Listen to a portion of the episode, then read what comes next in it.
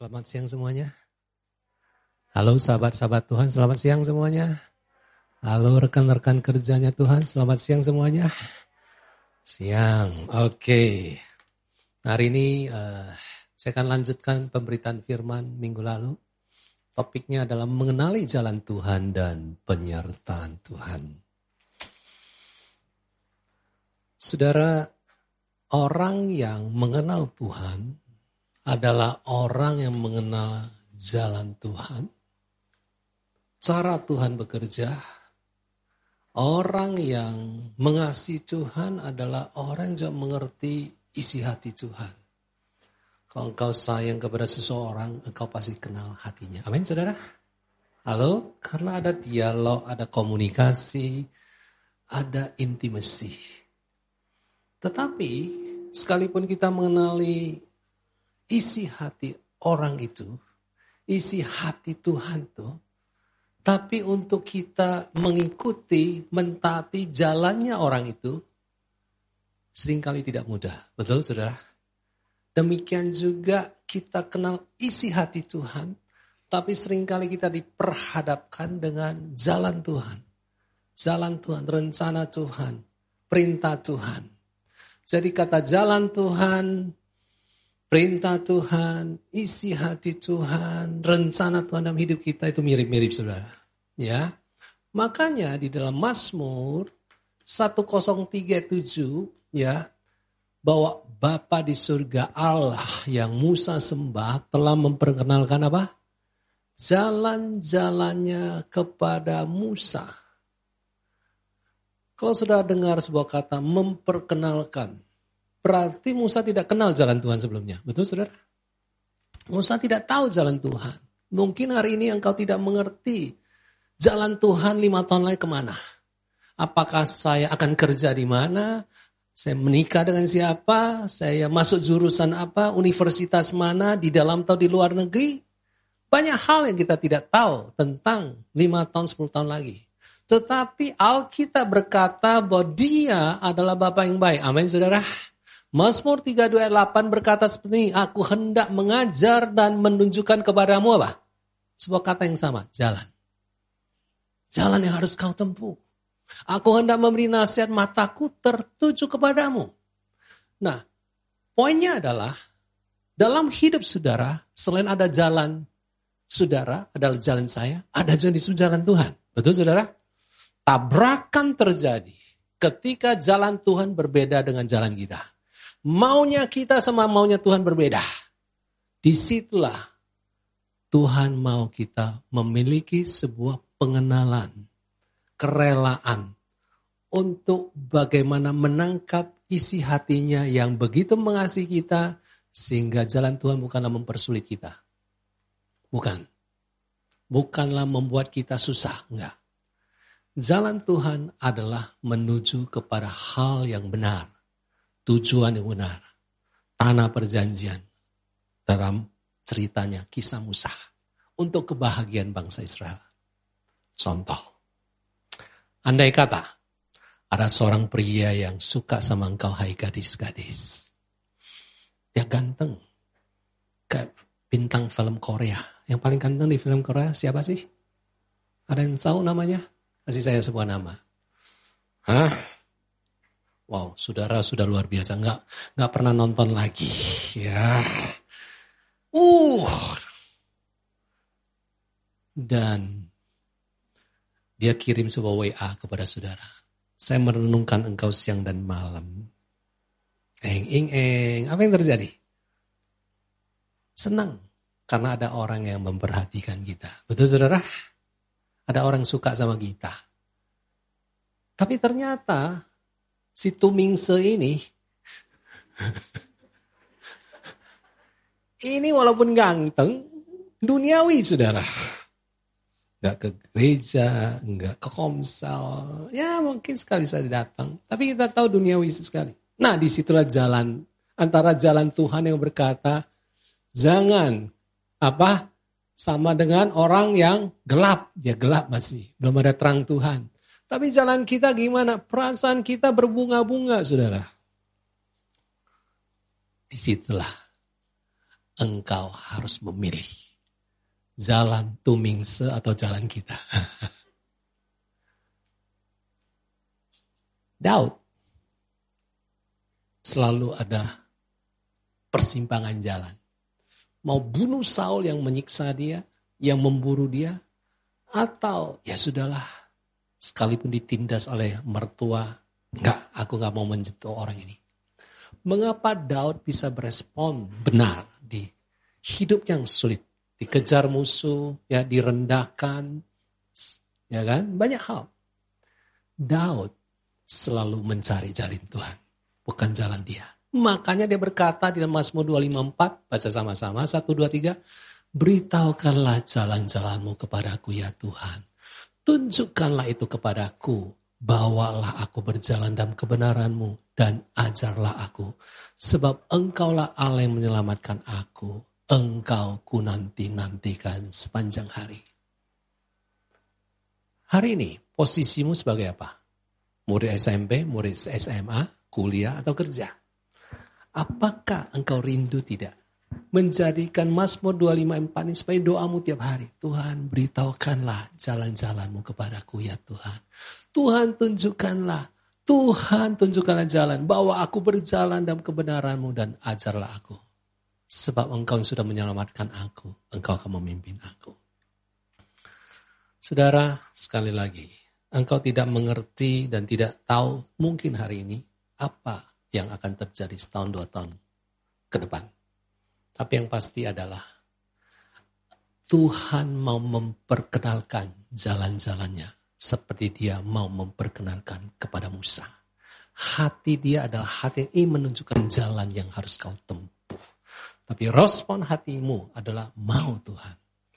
Ketika engkau menghadapi sebuah persimpangan jalan, jalan Tuhan atau jalan tumingse, di situlah keputusanmu. Ya, atau jalanmu dengan jalannya Anyong Haseo itu, ah, ah, di situlah terjadi persimpangan jalan. Engkau harus memilih. Karena apa? Banyak orang salah pilih jodoh. Banyak orang salah kawin. Termasuk di Abalef. Termasuk di Yud. Kita nggak mau engkau salah kawin. Ya, ada amin? Kok yang wanita yang jawab amin, pria enggak? Kita nggak mau engkau salah tujuan hidupmu. Kita nggak mau engkau salah dalam pergaulanmu. Banyak orang rusak karena bergaul dengan orang yang orang fasik. Ini penting saudara. Hari ini engkau hadir. Apakah lima tahun lagi engkau hadir di tempat yang sama? Apakah sepuluh tahun lagi engkau masih eksis dalam kerajaan Allah? Itu berbicara tentang jalan Tuhan. Engkau cari atau tidak. Nah, jalan Tuhan bisa di, terlihat, bisa dinyatakan lewat kehadiran firman dan kehadiran roh kudus. Makanya ketika firman itu hadir dalam hidup saudara, kami aman. Selama firman Tuhan, Alkitab sering kau baca, Alkitab sering engkau renungkan, itu jalan Tuhan. Itu jalan Tuhan. Tidak jauh-jauh, itu jalan Tuhan. Kebenaran Tuhan ada jalan Tuhan. Amin, saudara. Firman Tuhan ada jalan Tuhan. Selama engkau punya hati yang mau melakukan firman, pasti jalanmu ke depan aman. Tetapi yang hari ini saya ingin bicara adalah ada kehadiran roh kudus juga. 1 Korintus 2 ayat 9 berkata seperti ini. Tetapi seperti yang ada yang tertulis, apa yang tidak pernah dilihat oleh apa? Mata dan tidak pernah didengar oleh apa? Telinga. Dan tidak pernah timbul dalam hati siapa? Hati manusia. Semua yang disediakan Allah untuk siapa? Untuk siapa? Mereka yang mengasihi dia. Ayat 10. Karena kepada kita Allah telah menyatakannya apa? Allah telah menyatakannya oleh roh. Sebab roh menyelidiki segala sesuatu, bahkan hal-hal yang tersembunyi dalam diri Allah. Ayat ini terjadi dalam hidup saya. Ayat ini tergenapi dalam hidup saya. Saya tidak pernah mimpi untuk seperti hari ini. Berdiri di depan saudara. Tapi ketika saya percaya Yesus, saya tahu yang saya harus punya prinsip dalam hidup ini ada cari jalan Tuhan. Carilah kerajaan Allah dan kebenaranmu. Itu jalan Tuhan. Maka semuanya akan ditambahkan. Saya mulai mencari, saya haus untuk bersekutuan saudara seiman di Komsel, untuk belajar Alkitab, untuk memberi waktu untuk melayani. Dan ketika hal-hal ini saya lakukan karena kasih saya kepada Tuhan, satu persatu yang saya takutkan tidak terjadi. Yang pertama, saya takut miskin. Tidak terjadi, saya nggak miskin, ikut Tuhan. Yang kedua, saya takut nggak punya jodoh. Toh saya menikah. Yang ketiga, saya takut nggak punya anak. Ternyata punya anak. Yang keempat saya takut nggak punya rumah, punya rumah. Yang kelima saya takut nggak bisa jalan-jalan ke luar negeri. Saya jalan-jalan ke luar negeri. Segala sesuatu yang saya takutkan ternyata nggak terjadi. Yang terakhir saya takut jadi pendeta. Terjadi juga, gak ada masalah. Ngerti ya? Dan dan dan itu jalan Tuhan. Kalau ditanya, saya mau nggak? Nggak mau. Tapi saya bersedia, saya rela jalan Tuhan yang terjadi dalam hidup saya. Saudara rela nggak? Halo? Halo? punya cita-cita yang tinggi, jadilah pendeta. Jadilah apa?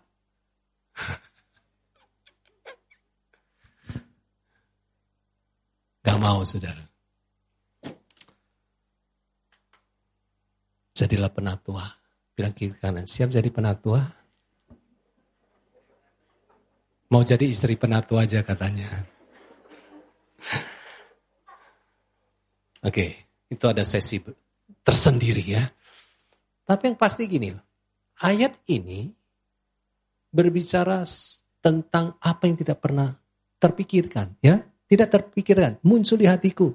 Nggak pernah terdengar, berarti itu bukan sekedar telinga jasmani, ini telinga rohani. Ini bukan mata jasmani, mata rohani. Sesuatu yang disebut panggilan Tuhan makin jelas. Sesuatu yang disebut rencana Allah dalam hidup kita makin jelas. Karena apa? Ada kehadiran roh kudus dalam hidup saudara. Karena ayat 10 berkata, kepada kita Allah telah menyatakannya reveal. Apokalipto. Apa itu revelation? Apa itu reveal? Sesuatu yang tersembunyi, sesuatu yang tersembunyi hidden, sesuatu yang rahasia, itu terbuka. Karena hanya roh kudus yang tahu hati Allah. Hanya roh kudus yang mengerti hal-hal yang tersembunyi dalam diri Allah. Dia menyelidiki segala sesuatu. Jadi sudah sekalian, kehadiran roh kudus bukanlah dia in the cost dalam tubuh saudara. Kehadiran roh kudus haruslah dia jadi tuan rumah dalam setiap keputusan yang sudah lakukan.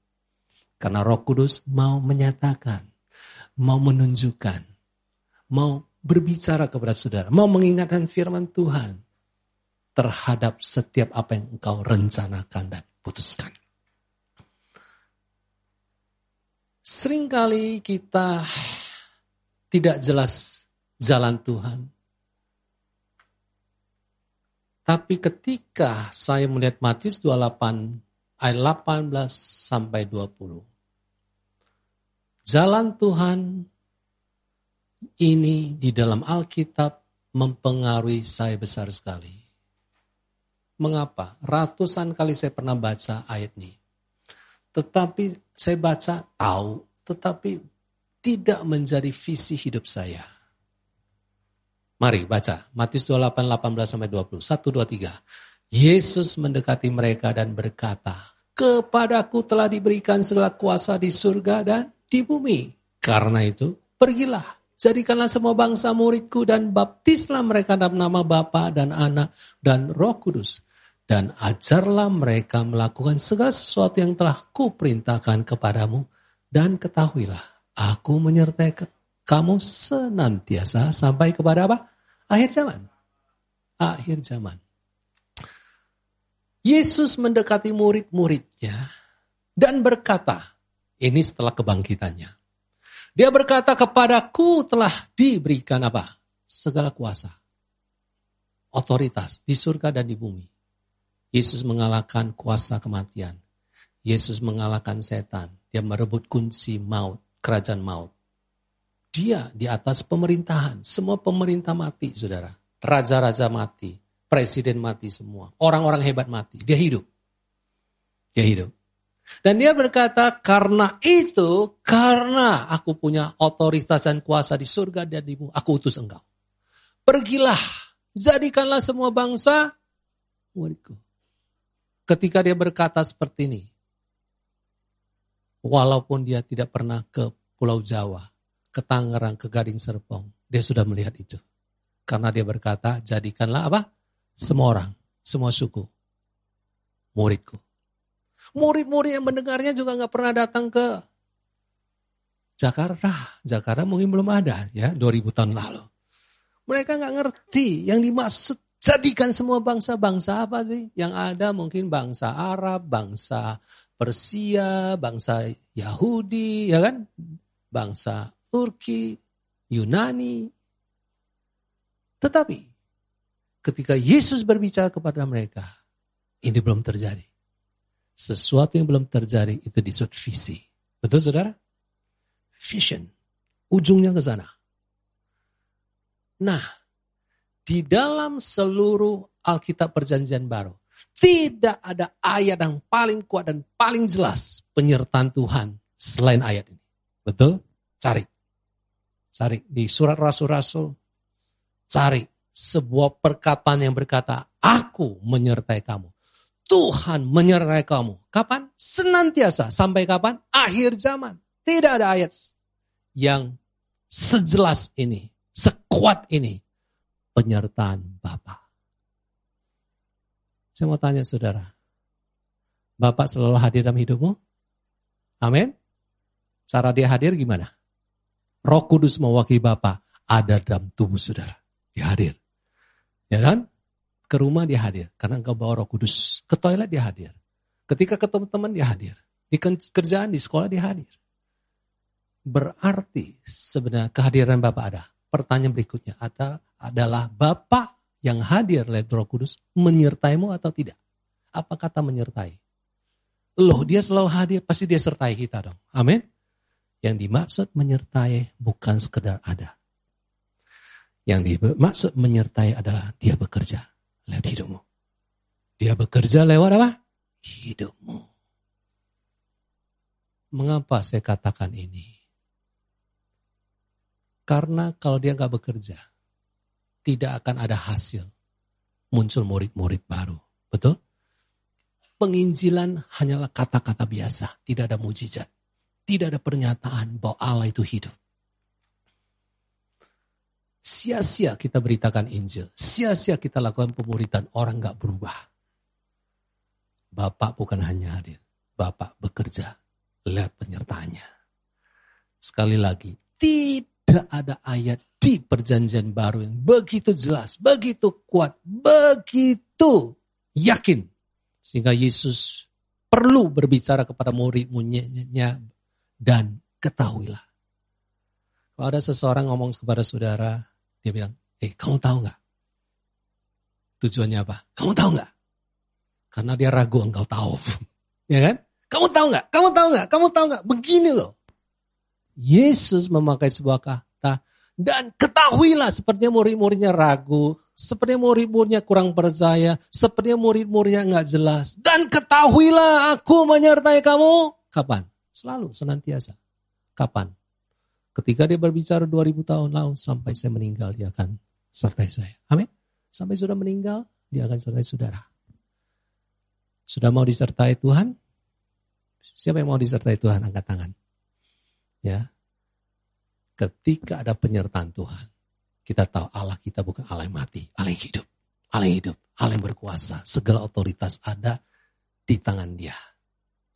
Mengapa ini penting buat sudah dengar hari ini. Karena segala sesuatu yang kau lakukan tidak dikaitkan dengan ayat ini, ada keraguan apakah Bapak menyertai atau enggak. Ketika engkau sekolah, di sekelilingmu pasti ada orang-orang yang belum percaya. Betul sudah di kelasmu ada anak-anak nakal, anak-anak bandel, doakan dia. Ya kan? Engkau berkata, Tuhan kau sertai aku ya. Ini bagaimana caranya si Akong ini bisa bertobat. Ya toh? Gayanya kayak King Kong, namanya aja Akong. Maafkan saya kalau ada yang namanya Akong. Ngerti ya? Tuhan aku berdoa, sertai aku. Dan Yesus bilang, aku pasti menyertai engkau. Tunggu waktunya, doakan dia terus. Suatu hari si Akong punya masalah. Patah cinta. Cintanya ditolak. Ah, dia sedih. Dia nangis. Dan dia lihat kamu adalah orang yang suka senyum. Suatu hari dia capek hati, dia cari engkau. Tiba aku baru putus pacar nih. Ah, di situlah doamu dijawab. Amin. Enggak ada amin nih. Ha? Amin. Saudara doa kita dijawab untuk misi ini. Harapkan banyak persoalan di kelas. harapkan banyak persoalan di kerjaan. Tapi bukan harapkan kecelakaan maksud saya. Tetapi ketika ada persoalan. Di situlah engkau menjawab persoalan itu lewat kehadiranmu. Lewat nasihatmu, lewat empatimu, kasihmu, perhatianmu. Di situlah mereka bisa kenal Tuhan. Siapa di sini yang kenal Tuhan Yesus? Ya toh, sungguh-sungguh ikut Tuhan karena dibawa teman ke Abalaf. Angkat tangan. Hah? Eh, aku datang ke tempat ini karena ada teman yang ajak saya. Ada di sini? Halo? Gak ada, saudara. Ada suara malaikat yang berkata, Datanglah ke apa ya. Semua kita pasti ada seseorang menolong kita. Amin, saudara? Betul nggak? Nggak terjadi mendadak. Nah, dengar baik-baik. Ketika kita ada di kerjaan, perusahaan, kita ada di kuliah, bawa ini visi Yesus di mana aku berada. Mereka Tuhan mau jadikan mereka muridnya. Di situlah engkau tidak perlu takut. Ada keyakinan. Ada keyakinan. Yesus menyertai engkau senantiasa. Amin saudara.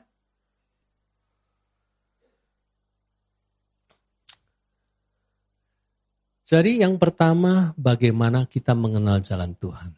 Roh Kudus akan menyatakannya. Firman itu akan memperjelaskan. Firman yang paling jelas di ayat ini. Jadi kita sedang melayani beberapa tempat Ya, ada yang sedang melayani sekolah tunas bangsa, sekolah pahwa, sekolah penabur, sekolah mana pun dilayani karena visinya. Ada juga melayani teman kerjanya, kantor, ada rumah lain, is okay. Semuanya Tuhan pakai, semuanya Tuhan pakai. Tinggal kita bersedia melakukan ini dan sukacita. Yang kedua, tadi topiknya adalah mengenal jalan Tuhan dan apa? Penyertaan Tuhan. Tadi penyertaan Tuhan tertulis di ayat Matius 28, jelas sekali. Yang kedua, bagaimana kita mengalami penyertaan Tuhan? Lakukanlah karena Tuhan yang minta, bukan manusia. Suatu hari, Yesus berkunjung ke rumahnya Lazarus, Marta, dan Maria di kota desa lebih tepatnya Betania, ya, dekat Yerusalem. Dan ketika dia datang, apa yang terjadi? Alkitab mencatat Marta sibuk sekali. Ia mendek, ya sibuk sekali melayani. Apa yang dia lakukan? Masak-masak, saudara. Sediakan minum. Ya, mungkin dia masak dengan olive oil, ya toh. Sediakan buah kurma yang manis, ya. Kemudian apa yang dia sediakan? Banyak hal. Masak makanan enak buat Yesus. Saya mau tanya saudara, Yesus suka makan nggak? Halo? Yesus senang makan. Amin. Di Danau Gali dia, masih ingat waktu dia bangkit, dia berkata kepada murid-murid, "Hei, ada makanan enggak?" Ya toh? Kemudian dikasih rot apa? Ikan, makan. Pertanyaannya adalah begitu sibuknya Marta sampai dia merasa sendirian yang kerja. Dia bilang sama Yesus, Tidakkah engkau Yesus peduli bahwa saudaraku membiarkan aku melayani seorang diri? Suruhlah dia bantu aku. Saudara sering merasa sendirian? Kerja di rumah, adikmu nggak bantu, kakakmu nggak bantu, ya kan? Sendirian, kerja, kerja, kerja. Ya kan? Marta itu sendirian kerja. Sibuk mempersiapkan yang terbaik buat Yesus. Apa jawab Yesus? Marta, Marta, engkau khawatir dan apa? Baca dengan suara yang keras, satu, dua, tiga, dan menyusahkan diri dengan banyak perkara. Banyak perkara. Ketika saya baca ayat ini, ada beberapa pertanyaan muncul. Yang pertama, apakah Marta disuruh Yesus untuk masak? Jawaban apa? Enggak. Betul saudara? Betul saudara? Kalau Marta nggak masak, buat Yesus oke okay aja. Dia bisa go food. Telepon. pesan di Yerusalem ada catering, mungkin. Ya kan? Pertanyaan kedua adalah, mengapa Marta sibuk masak? Jawabannya apa? Alkitab tidak menulis. Alkitab tidak. Dua kemungkinan, dia senang masak. Dia apa? Senang masak, apalagi Yesus yang datang gitu loh. Senang dia bikin Yesus senang dengan masakannya.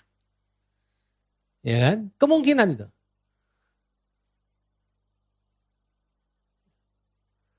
Tapi persoalan terbesar muncul.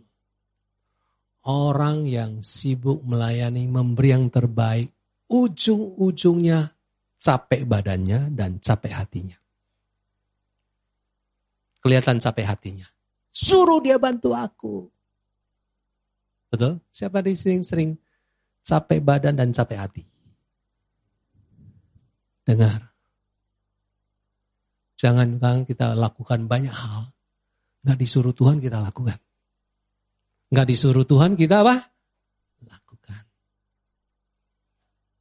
Mengapa ini penting? Karena penyertaan Tuhan selalu menyertai orang yang mengikuti pimpinan Tuhan. Musa mengikuti apa? Pimpinan Tuhan. Kapan tiang awan, tiang api bergerak dia ikut. Kapan berhenti, dia berhenti. Kalau berhentinya seminggu, berhenti seminggu. Walaupun bosan. Berhenti sejam, jalan lagi. Penyertaan Tuhan selalu mengikuti orang yang mau dipimpin oleh Tuhan. Marta dipimpin oleh kesukaan masanya. Marta dipimpin oleh kesenangannya untuk melakukan sesuatu buat Yesus. Pada Yesus dia minta. Yesus pengen ngobrol sama Marta. Seperti dia pengen ngobrol sama Maria. Mengapa Yesus ingin mencurahkan isi hatinya buat Marta dan Maria dengar. Makanya dia berkata, Marta, Marta, engkau khawatir dan menyusahkan dirimu banyak perkara. Engkau khawatir kalau aku nggak happy. Engkau khawatir kalau nggak ada makanan buat aku. Engkau khawatir. Engkau menyusahkan diri dengan banyak perkara. Saya melihat ada banyak orang-orang cepat respon reaktif. Tahu reaktif? Ya toh? Wah ini ada masalah. Ya toh? Bukan salah. Sering kali muncul masalah, cepat-cepat mau bereskan. Eh dia langsung kumpulin, oh kita bereskan. Ternyata ketika dia mau bereskan, ternyata malah nggak beres-beres. Ribut di tengah meeting. Kita harus belajar satu perkataan Mazmur 32, Sela. Bukan Sila, Sela. Nah, ada Sela di sini? Sela artinya berhenti sebentar. Ada persoalan, iya. Tapi aku mau dengar apa kata Tuhan dalam situasi ini. Jadi sudah mau disertai Tuhan? Lakukanlah karena Tuhan yang minta. Belajar untuk mendapatkan hati papa mama. Berdoa, Tuhan gimana caranya kok papa mama kok punya gap ya dengan saya? Kok komunikasinya susah sekali ya? Oh, aku punya ide. Oh, papa suka apa? Pisang goreng Pontianak beliin. Eh nggak ada berubah juga. Oh, eh mama kenapa nggak senang? Oh mama senangnya itu bunga. Aku beli bunga. Eh biasa aja. Boleh engkau lakukan. Tapi satu titik engkau perlu bertanya. Jangan-jangan papamu bukan so senang. Pisang goreng pontian. Dia senang engkau elus. Pa, aku mau pijit papa. Sudah mengerti jalan Tuhan? Jalan Tuhan itu adalah kadang roh kudus memberikan ide. Ide. Ide-ide yang tidak terpikirkan. Ide-ide yang membuat terobosan sebuah hubungan. Makanya saudara percayalah roh kudus hadir. Banyak ide, banyak hikmah yang engkau akan terima dari roh kudus. Yang pertama kalau engkau mau disertai Tuhan, lakukan karena ada pimpinan Tuhan. Yang kedua karena engkau mengasihi Tuhan. Kalau setiga 20, Mari kita baca. Satu, dua, tiga. Hai anak-anak. Taatilah orang tuamu dalam segala hal. Karena itulah yang indah di dalam Tuhan. Sudah tahu ayat ini. Untuk mendapatkan keindahan di hadapan Tuhan, di dalam Tuhan. Aku perlu taat. sama papa mama. Tapi kan taat sesuatu kata yang kadang tidak terlalu menarik. Kalau setiga dua dua, hai hamba-hamba apa? Taatilah Tuhanmu yang di dunia ini dalam segala hal. Jangan hanya di depan mereka saja untuk menyenangkan mereka, melainkan dengan tulus hati. Karena takut akan Tuhan. Wah sama pimpinan kerja taat dalam segala hal lagi. Kurang menarik kata taat. Oke. Kalau sudah taruh ketaatan dalam konteks mengasihi Tuhan, jauh lebih mudah. Mengapa? Kasih kepada Tuhan bicara engkau mau melakukan apa yang menjadi perintah Tuhan. Walaupun ada keberatan di hati. Walaupun perasaan kita bergejolak. Makanya orang yang mengasihi Tuhan itu mudah lakukan firman Tuhan. Mudah taat. Tapi orang yang melihat Tuhan memberi hukum dan dia merasa terpaksa harus taat. Susah. Ketaatannya hanya sementara sementara saja. Dan dia gak akan bertahan. Nah ketika saudara taat dan karena engkau mengasihi Tuhan, ayat 23, itu menjadi bagianmu. Nah dikatakan demikian, apa pun juga yang kamu perbuat, perbuatlah dengan apa? Perbuatlah dengan setengah hati, 90% hatimu, 100% hatimu, seperti, seperti loh. Memang kau taat kepada manusia, tapi seperti untuk Tuhan dan ayat 24. yang penting. Kamu tahu bahwa dari Tuhanlah. Dari siapa? Tuhanlah. Kamu akan mendapat bagian yang ditentukan bagimu sebagai apa? Upah. Siapa yang kerja di sini? Angkat tangan. Kerja, kerja, kerja. Senang nggak kerja tanpa gaji? Hah? Tidak ya? Capek-capek kerja nggak digaji. Ya kan? Saudara, ini upah bukan sekedar gaji buat saudara. Ini upah lebih daripada berkat. Lebih daripada yang sebutnya lahiriah berkat jasmani. Bukan. Saya ingin cerita ada dua berkat yang luar biasa. Berkat pertama sudah saya kasih tahu saudara. 1 Korintus 29. Hikmat Allah yang tersembunyi. Rencana Allah yang tersembunyi dalam hidup kita seperti saya katakan, saya nggak pernah mimpi sampai hari ini. Tapi saya belajar terus menerus mengasihi Tuhan. Selama saudara terus menerus mengasihi Tuhan, apa yang tidak pernah dilihat oleh mata, terdengar oleh telinga, timbul di hati manusia, Tuhan akan sediakan. Artinya itulah upah. Ketika engkau taat kepada orang tua, taat kepada pemimpin kan nggak mudah. Tapi aku mau mengasihi Tuhan. Bukti kasih saya taat kepada perintahnya. Ketika engkau mengasihi Tuhan, ada waktu-waktu di mana kau melihat mujizat, penghiburan, jalan keluar. Sekolahmu akan dibiayai oleh orang lain, walaupun papa mama nggak punya uang, engkau akan dapat kerjaan yang baik, itu jasmani. Tapi yang rohani jauh lebih banyak. Engkau akan ketemu dan pasangan yang rohani. Amin saudara engkau akan melihat hal-hal yang membuat engkau mengalami sukacita otentik. Sukacita sejati dari Tuhan. Karena melihat banyak orang berubah. Banyak orang memanggil engkau kakak rohani. Ya toh? Ini kakak rohani saya. Yang kedua, upaya yang kedua adalah kebaikan versi Tuhan. Apa yang disebut kebaikan versi Tuhan? Roma 8:28. Kita tahu sekarang bahwa Allah turut bekerja dalam apa? segala sesuatu untuk mendatangkan apa? Kebaikan bagi mereka yang mengasihi dia.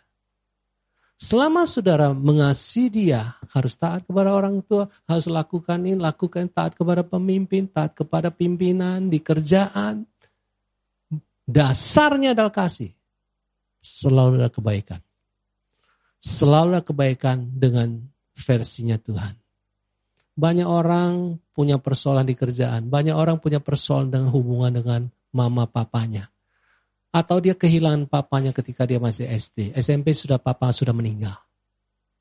Dia bisa sedih, dia bisa menyesal kenapa. Atau dia bisa marah-marah sama Tuhan. Kenapa sih Tuhan ambil papa saya? Saya masih SMP, udah meninggal. Lihat teman-teman saya. Pulang sekolah dijemput sama papanya. Aku dijemput sama mbak. Mbak, naik motor lagi. Saudara, ketika engkau mulai tidak menyalahkan siapa pun, engkau tidak menyalah Tuhan, engkau terus mengasihi Tuhan di tengah kehilangan seorang papa. Di tengah kehilangan seorang mama, engkau terus mengasihi Tuhan. Di tengah kehilangan orang yang kau kasihi, engkau terus mengasihi Tuhan. Apa yang terjadi? Apa yang terjadi? Ayat ini berkata, selalu ada kebaikan. Katakan, satu, dua, tiga, selalu ada kebaikan. Loh, kebaikan apa sih? Oh, saya nggak punya papa lagi. Kok nggak punya mama? Banyak kebaikannya. Selama engkau mengasihi Tuhan, hatimu terbuka. Selama engkau mengasihi Tuhan, engkau akan lebih peka kepada suara roh kudus. Engkau lebih peka kepada firman Tuhan.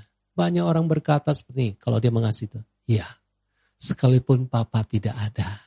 Saya makin mengenal Bapakku yang di surga, yang sudah menerima dan mengasihi aku apa adanya.